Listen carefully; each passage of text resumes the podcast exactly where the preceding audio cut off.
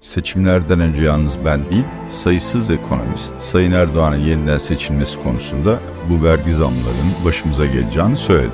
Dolayısıyla bile bile lades. Tamam körfezden para bulalım, vergilere zam yapalım, şudur bu. Bunların hepsi doğru da. Acı reçeteyi içmek zorunda. Önce kendisi içmek zorunda. Türkiye'nin sorunları 6 ay içinde çözülmek zorunda. Yoksa maalesef Mehmet Şimşek ve Gaye Erkan'a rağmen bu kışı ekonomik sıkıntılar yaşamadan atlatmamız neredeyse imkansız görünüyor.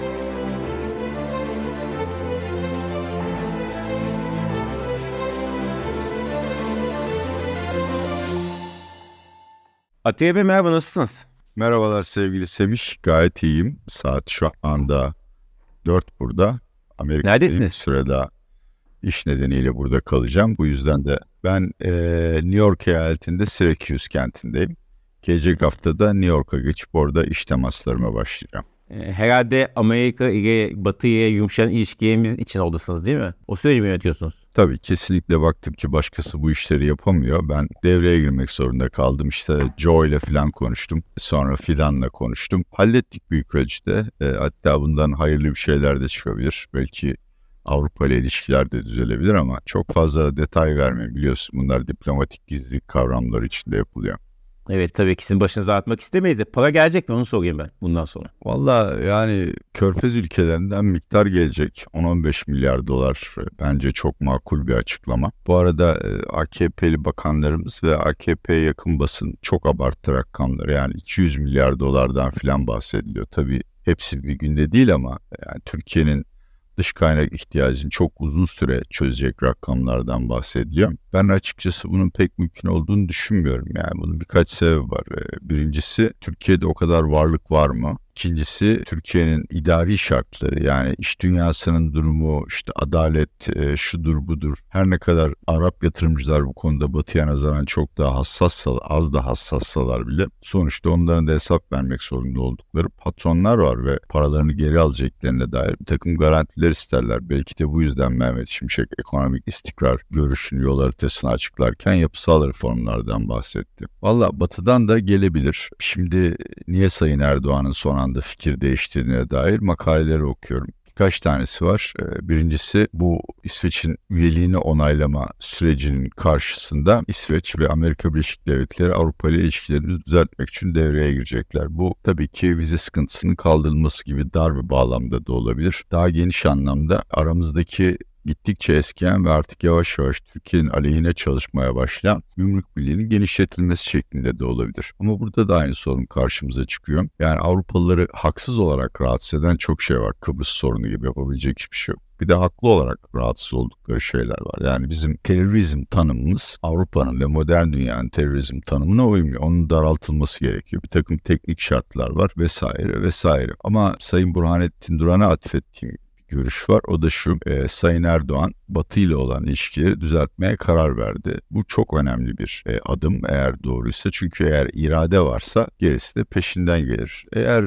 Sayın Erdoğan aldıysa böyle bir karar niye aldı diye sorduğumda belki de Wagner'ın ayaklanma girişiminden sonra Rusya'nın Ukrayna savaşından zaferle çıkamayacağına dair kaygıları gelişti ve diyoruz ya bizim dış politikamız stratejik dengelenme ve bağımsızlık Rusya'ya çok fazla kartlarını yatırmış olabilir.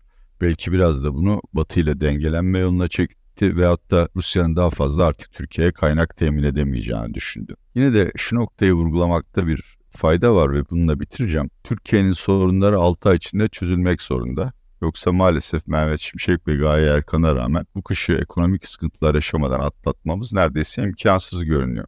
Halbuki bütün bu bahsettiğimiz gelişmeler şu an karar verip düğmeye bassa bile birkaç yıl sürer. Dolayısıyla arada bir zaman aralığı var. Bu bir, iki, belki de üç yıl sürebilecek bir zaman aralığında Türkiye'nin muhakkak dış kaynak ihtiyacını temin etmesi lazım. Peki onu konuştuk bakalım e, edecek mi? Onu ilerleyen günlerde göreceğiz. Erdoğan'ın bir ziyareti olacak zaten Körfez ülkede. E, herhalde e, orada daha netleşecek tablo. Peki biraz da size şey konuşmak istiyorum. Son yapan zamla e, vergi artışları, enflasyon beklentisi hem maaşlar hem ücret zamlı, ücretler artıyor hem de işte vergi arttı. Enflasyon, mal ve ticaret üzerindeki zamlar artıyor. Siz bu e, döngüyü nasıl e, devam edeceğini düşünüyorsunuz? Yani şöyle soruyu toparlarsak. Enflasyon artıyor sonra ücret zamlı ciddi şekilde giriyor. O enflasyon üzerinde bir baskı daha yaratıyor. O ve tabii diğer farklı sebeplerden dolayı enflasyon yine artıyor. Yine ücretli zam geliyor. E, bu döngü ne kadar devam ettirir veya bu döngü devam ederse e, son nereye varır? Önce şunu hatırlatmak zorundayım. Seçimlerden önce yalnız ben değil, sayısız ekonomist Sayın Erdoğan'ın yeniden seçilmesi konusunda bu vergi zamlarının başımıza geleceğini söyledi. Dolayısıyla bile bile lades. Şimdi dediğin soru çok güzel. Bu işin bir noktada bu spiralin e, üstünün kesilmesi lazım. Maalesef bu açıklanan vergi zamları bu görevi icra edemiyor. İşin doğrusu şudur. Oldukça sıkı bir para politikası yanında bütçe açıklarını dengelemeyi denerseniz çok daha çabuk sonuç alırsınız. Bizdeki birinci sorun para politikasını yeterli sıkışacağına kimse inanmıyor. Yani sizin resmi enflasyonunuz 38 Allah bilir gerçeği nedir. Merkez Bankası faiziniz %15. Bu 15'ten 38'in üstüne nasıl çıkacaksınız? Çıkmazsanız para politikasının enflasyonla ve ekonomi enflasyonla mücadele ve ekonomik istikrara kat konusunda hiçbir etkisi yok. Sadece rakamlarla oynuyorsunuz. Bu zamlar meselesine gelince şimdi vergiler arttırıldı. Bizim hesabımız belki milli gelirin %2'si kadar bir vergi artışı yapıldı. Temel olarak baktığımızda vergi artışlarının vatandaşın cebine giren parayı azalttığı için onların talebini de azaltması, ekonominin soğuması lazım. Dünyanın her yerinde olduğu gibi Türkiye'de de ekonomi soğuduğunda enflasyon bir miktar düşer. Şimdi bizde bu sistem çalışmayacak. Daha doğrusu yeterli etkili olamayacak. Sebebi şu. Bir, hala hükümetin ekonomiye saçtığı para topladığı vergiden çok daha fazla. 2-2,5 misli olarak tahmin ediyorum. İkincisi yaz aylarında tabii çok ciddi bir turist akımını getirdiği talep patlaması var. Bununla başa çıkamıyorsunuz. Üçüncüsü krediler cephesini çok yakından takip ediyoruz. Çünkü vatandaşlarımız reel faiz negatif olduğu için gelir eksik tüketimi yüksek tutmak için gelirleri yetmediği zaman kredi alıyorlar. Dolayısıyla çok vahim bir tedbir olacak ama tüketici kredilerin iyice kapatılması lazım. Şimdi biraz enflasyon aritmatiğine bakalım ve bunun bu tedbirlerle ne kadar düşebileceğine bakalım. %40 gibi bir rakam üzerinden çalışıyoruz. TÜİK'in rakamı. Bunun üzerine bir Türk lirasının değer kaybından takriben 6 puan biliner. Asgari ücret zamından 3 puan civarında bilineceğini tahmin ediyorum. Şimdi bu yeni vergi zamlarında enflasyon etkisi en az bir 3 puan daha olacak. Yani nereden baksanız bizi 40'tan 50'ye çıkartan bir süreçteyiz. Eğer bunun karşısında ekonomiyi yavaşlatabilirseniz bu zamlar tüketiciye yansımaz. Ee, yani şirketler kendi fiyatlarını indirirler veyahut da tüketici alım yapmaktan vazgeçtiği için fiyatlar düşmeye başlar. Ama bu da gerçek değil. Çünkü yani ekonomi resesyona sokmama konusunda da bir kararlılık arz ediyor. Dolayısıyla bu spirali bir türlü aşamayacağız. Ve açıkçası bu konuda da hükümetin sadece iki tane tedbir aldığını görüyorum. Bunlardan bir tanesi enflasyon rakamları artık iyice anlamsız oldu. Ve bence şu anda enflasyon ölçümünün temel amacı vatandaşa ve bizim gibi uzmanlara gerçek enflasyon konusunda fikir vermek değil, 6 ayda bir yapılan maaş ve ücret zamlarını yüksek göstermek. Bu sebepten dolayı da bir yere varamıyorsunuz. İkincisi elinizde siyasi irade olmasına rağmen ücretleri, fiyatları, vergileri neyse gelecek enflasyona endeksleyemiyorsunuz her senenin sonunda biriken enflasyon bir de üstten refah payı vermeye başladı. Halbuki enflasyonla bu, bu, bu noktaya varmış bir enflasyonla mücadelenin en önemli yollarından biri. Bir noktada kol kesip vatandaşa demek ki kusura bakmayın bizim hedefimiz gelecek sene enflasyonda yüzde yirmi size de %20 zam veriyoruz. Daha fazlası olmayacak. Eğer enflasyon hedefini aşarsak da bir şey almayacaksınız. Enflasyonu böyle düşüreceğiz. En son olarak da tabii yine idari tedbirlere dayanılacak. Bunu iddia eden ekonomistler de var. İşte pahalı insanlardan alışveriş etmeyin. Zam yapanların üstüne gidin. Bu yüzden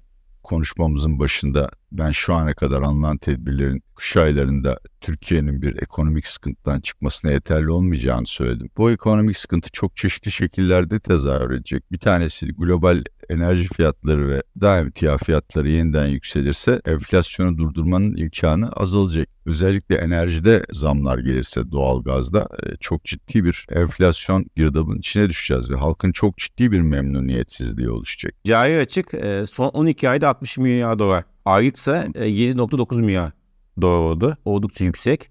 Ve onun dışında işte net hata 90'da çıkış 7.4 milyar dolar ve Mayıs ayında ülke rezervlerindeki azalış da 16,5 milyar dolar. Ne diyorsunuz e, bu genel olarak ödeme dengesi verilerine ve tabii ki sizin de bahsettiğiniz gibi esasında cari açık programını ne yapacağız? Türkiye'nin cari açığı birçok nedenden kaynaklanıyor. Bunlardan bir tanesi dediğim gibi iç talep çok hızlı seyrediyor. Ekonomiyi soğutmadan cari açıkla başa çıkmak diye bir model söz konusu değil. İkincisi Türkiye'nin ihracat performansı sürekli düşüyor. Yani ihracat rakamları kötü görünmese de birim ihracatımız sürekli düşüyor. Bunun karşında da çok pahalı şeyler ithal ediyoruz. Yani yatırım malları, cep telefonları, diğer lüks eşyalar, petrol. Bunların hepsinin değeri bizim ihraç ettiğimiz ürünlere göre artıyor. Eğer bu sorunu çözemezseniz yani yapısal reform yapıp Türkiye'yi daha yüksek katma değerli ihracat yapan bir ülke haline getiremezseniz enerji fiyatları sıfıra düşse de biz yine cari açık veririz. Şimdi cari açık kendi başına bir sorun değil. Bunun finansmanı sorun. Ve asıl sıkıntılarımız orada başlıyor. Birincisi global koşullar. Şu anda Türkiye gibi gelişmekte olan ülkelere bir ilgi var ama bunun kalıcı olacağını zannetmiyorum. Çünkü Fed'in daha bir yıl Avrupa Merkez Bankası ile birlikte bu yüksek faiz ortamını sürdüreceğini düşünüyorum. Böyle ortamlarda genellikle Türkiye gibi özellikle düşük kredi notu olan ülkelere dış krediler zorlaşır. İkincisi içeride artık vatandaşın elindeki bütün parayı topladınız. KKM'ye daha fazla para girmiyor. Çıkmaya başladı. Peki bu sorunu nasıl çözeceksiniz? İşte o noktada sanırım çok uzun süre düşündü yönetim ve Körfez parasına almaya karar verdi. Şimdi ben bu yaklaşıma karşı değil. Körfez'den, Amerika'dan, Hollanda'dan, Mısır'dan nereden gelirse gelsin doğrudan yatırım iyi bir şeydir. Eğer bu doğrudan yatırım Türkiye'nin elindeki şirketleri daha yüksek katma değerli üretim yapmaya ve ihracat yapmaya yönlendirsin. Bu bir çıkış yoludur. Ama bunun da kısa vadede gerçekleşmeyeceğini çok iyi bilmemiz lazım. Türkiye gibi bir ülkenin en az 100 milyar dolar yatırım alması lazım ki ekonomik yapısını değiştirebilsin. Yani çünkü toplam milli geliri 1 trilyon dolar ve çok ciddi bir yatırım açıklığı var. İşte bu nedenden dolayı yıl sonunda yani kış aylarına geldiğimizde turist gelirleri sona erdiğinde Türkiye yeniden aylık cari açıkla karşı karşıya kalacak. Ve o döneme geldiğimizde global koşullar Türkiye gibi ülkelerin borçlanmasına yeterli olmayacak. Buradan nasıl çıkar? Bir de Neta Tarnoksan'la ilgili bir şey söyleyeyim. Ben Mayıs rakamları seçimle alakalı bir konu. Ee, onlar muhtemelen Haziran'da geri döner. Yani CHP'liler de AKP'liler de Türkiye'de hiçbir şeyin değişmediğini gördüler. En azından hani işler daha kötüye gitmiyor daha olduğu kadar kötü. Türkiye'nin çok ciddi bir döviz açığı var ve bunu bir türlü halledemiyoruz. Neler yapılabilir? Bir dediğim gibi yani yalnız Arap yatırımcısına değil batıya ve sıcak paraya güven verecek önlemler almak zorundasınız. Bunun adı da kısıtlamaların kaldırılması. Yani yabancı yatırımcı bugün Edirne kapısına girse ya da ne bileyim işte başka bir gümrük kapısına elinde bolla dolarla giriş giriş yapsa Yatırım yapacağı yer yok ki borsadan başka. Swap piyasasını kapatmışsınız. Devlet tahvilleri, faizleri hiçbir yabancı yatırımcının elini uzatmayacağı kadar ucuz, sunuyor olarak ucuz. Halbuki geçmişte baktığınızda Türkiye'ye giren sıcak paranın çok belli bir mecra vardı. 90'larda borsayla başladı. 2000'li yıllardan itibaren büyük ölçüde tahvil pazarından girdi para. Yani bizim DIBS dediğimiz devlet iç borçlanma senetlerinde yabancıların payı stok içinde %20'lere yükseldi. Ve üçüncüsü de son yıllarda daha arbitraja yönelik swap piyasası açıldı. Swap piyasasında 50-60 milyar dolar para vardı. Şimdi bu üç kapıdan iki tanesini siz kapatmış durumdasınız. En azından bu kapıların açılması lazım. En son olarak da dediğim gibi Sayın Burhanettin Duran'a atıfta bulunuyorum. Nuray Babacan da bu arada yazdı anladığım kadarıyla. Eğer Batı ile olan ilişkilerin samimi olarak Türkiye'nin menfaatlerine zarar vermeden gelişmesine yönelik politika izlenecekse o zaman bu şartlar değişebilir. Yani bunu söyleyeyim. Bu sadece diplomatik el sıkışma ve gidip ziyaretlerle olmaz. Batı'nın Türkiye'den bir takım haklı talepleri var. İşte yargı reformu, iş dünyasının reformu, e, vergi reformu, e, yasaların daha öngörülebilir olması, diğer regülasyon düzenlemeleri filan. Bunları yerine getirmek zorundasınız. Ha bunlar da yapılamayacak şeyler değil ama seçimden önce yapılmaların çok pratik olduğunu ben pek düşünmüyorum. Dolayısıyla kışın döviz sıkıntısını engellemenin bir tek doğal yolu kaldı. Ve bunu da belki ayrı programda konuşuruz. Ama bütün basın yazdı zaten. Kredilerde çok ciddi bir yavaşlama var. Bunu haftalık verilerde görmüyorsunuz. Bizim trende takip ettiğimiz 13 haftalık kur etkisinden aranılmış verilerde görüyorsunuz. Turistlerden gelen paraya, reel faizin negatif olmasına, hükümetin yaptığı vergi zamlarına rağmen eğer krediler kesilirse dolayısıyla kredili mal talebi de kesilir. Yani araba, konut gibi çok yüksek sticker fiyatı olan mallara talep kesilir. Ekonomiyi bu yolla resesyona sokarsınız. Türkiye'de üretilen her şeyde en azından enerji payı kadar ithal girdiği için olduğu için ekonomi resesyona girdiğinde cari açıkta daralır. Ama yani hani bir iş yapmanın 10 yolu varsa benim bahsettiğim en kötüsü. Çünkü krediyi yalnız yarını düşünmeyen müf, müflis tüketici almıyor. Şirketler de alıyor, genç girişimciler de alıyor. Siz kredileri kestiğinizde bütün bu yatırım kanallarını da kesmiş oluyorsunuz ve sonuçta ağacın büyümesini engelliyorsunuz. Özellikle Cumhurbaşkanı Erdoğan'ın bunu buna hiç yanı olmadığını biliyoruz. Ve seçim öncesi ne olursa olsun yerel seçim var. Önce böyle bir adım atması zor gözüküyor. Değil mi? Düşük ihtimal sizin bu senaryo. Böyle bir şey gidiyoruz. Bence de öyle. Zaten yani henüz mentalitenin de buraya geldiği düşüncesindeyim. Yani şu gerçeğin Türkiye'deki en yüksek irade olan Sayın Cumhurbaşkanı Erdoğan tarafından kabul edilmesi lazım. Tamam körfezden para bulalım, vergilere zam yapalım, şudur bu. Bunların hepsi doğru da acı reçeteyi içmek zorunda. Önce kendisi içmek zorunda. Kafasında Türkiye'nin inşallah adil olarak dağıtılmış büyük bir acı çekmeden Berat Albayrak döneminden bu yana gittikçe biriken dengesizlikleri atlatamayacağını kabul etmek zorunda. Bir kere bu fikri kabul ettirebilirsek ondan sonra bunun yollarını Mehmet Şimşek bulur. İşte bu riski daha doğrusu yapılması gerekenleri küçük parçalara bölerek her birinin yan etkisini azaltırsınız. Şu an bu aşama değil değil mi? Yok yani ben Mehmet Şimşek eleştirmiyorum. Bence bu vergi zamlarının tabii ki hepimizin canını çok yakıyor. Ama dış yatırım açısından sembolik bir önemi var. Türkiye'de zor kararlar almaya hazır olduğunu gösteriyor. Ama bunların devam etmesi lazım. Ve bir noktada dediğim gibi yani yalnız makro tedbirlerle aşamıyorsunuz. Dolayısıyla hayır bence orada değiliz. Yani şimdi Sayın Erdoğan ilk önce ona nasihat veren ya da görüş veren ekibinin de değişmesi ve Sayın Erdoğan'a gerçekten anlatılması lazım. Bu da her yayında tekrarlıyorum çünkü bence en önemli nokta o. Bakın dünyanın her yerinde istikrar programlarının bir lideri, bir pazarlamacısı, bir baş satıcısı vardır. Şimdi Türkiye'de bu kişi ekonomi programının başındaki kişi olamaz veyahut da Merkez Bankası Başkanı veyahut da şu bakan olamaz. Sebebi de çok basit bütün kararları Sayın Erdoğan'ın aldığı biliniyor. Dolayısıyla Sayın Erdoğan diğer icraatlarından bir miktar zaman tasarruf edip bu programı pazarlamaya ve programın getireceği acıları kısa vadeli olduğunu, uzun vadede yarar getireceğini halka anlatması lazım. Ben şu ana kadar bu konuda hiçbir çaba görmedim. Tabii onun için de Erdoğan'ın e, bu programa inanması ve gerçekten işselleştirmesi lazım. Onu da söylemek lazım. E, Peki e, şunu soracağım şimdi bu vergi kısmı vergideki artışla ilgili. İşte bu muhalefet de bunu seçim öncesi çok söylüyordu. İşte fatura çıkacak faturayı biz e, bu, bu sefer daha ve orta geriye çıkartmayacağız. Daha işte üst gerilerden bu da son dönemde çok ciddi servet artışı yapan insanlardan daha çok kaynak yaratacağız deniyordu. Bu son vergi artışları gerçekten yine faturanın daha ve orta geriye çıkartılacağı yönünde bir izlenim yarattı mı sizde? Bunu mu işaret ediyor? Yoksa işte DOS kurumlar vergisinde de bir artış var. Yönelik bir adım da atıldı ama e, nasıl görüyorsunuz? Yani burada genel strateji faturana kime çıkacağı yönünde eğer bir fatura tabii yani böyle bir acı reçete çıkartılacaksa zaman içerisinde. Fatura çıktı bile. Sanırım bunu Güldem Atabay'la da, Atabay'la da konuştunuz. Bu vergiler kötü. Kimse vergileri sevmez. Ama bunlar en kötüsü. Çünkü bahsettiğin kurumlar ve banka vergileri haricinde tamamen ÖTV, KDV'ye dayanmış tedbirler. Ve işte pasaport harçları şunlar bunlar. Bunlara biz ekonomistler regresif yani kişinin geliri daraldıkça bütçesinde daha fazla acı yaratan zamlar olarak niteliyoruz. Dolayısıyla maalesef bu AKP seçmeni açısından da çok acı. Yalnız daha yüksek fiyatlar ödemekle kalmıyorlar. Toplumsal olarak baktığımızda da acıyı onlar çekiyor. Çünkü genelde dar gelirli ve orta gelirli gruba aitler nasıl yapılabilir? Zaten bu basında yazıldı yani. Her şeyden önce bir servet vergisi tahsis edeceksiniz. İkincisi Türkiye'de bireysel gelir vergisi ve kurumsal kurumlar vergisi toplanmıyor kardeşim. Bilinçli olarak toplanmıyor. Bunun da ötesinde bırakın bilinçli olarak toplanmayı. Bugün işte Murat Arel Cumhuriyet'te yazdı. Yani kamu bankaları artık tamamen halkın ve da şirketlerin menfaatine değil yandaşlara para aktarmak için mekanizma haline gelmiş. Tüm bunlardan vazgeçmeniz gerekecek. Bu da hiç kolay bir şey değil. Çok başka şeyler de yapılabilirdi. Yani konutunu boş tutup kiraya vermeyenlerden vergi alınabilirdi. İkinci evi olanlardan evlak vergisi alınabilirdi. Tüm bu Ahmet Davutoğlu döneminden beri ısrarla üstünde durulan hiçbir şekilde yapılamayan konut rantlarının vergiye dönüştürülmesi şeklinde yapılabilir ve çok da önemli bir şey var abi.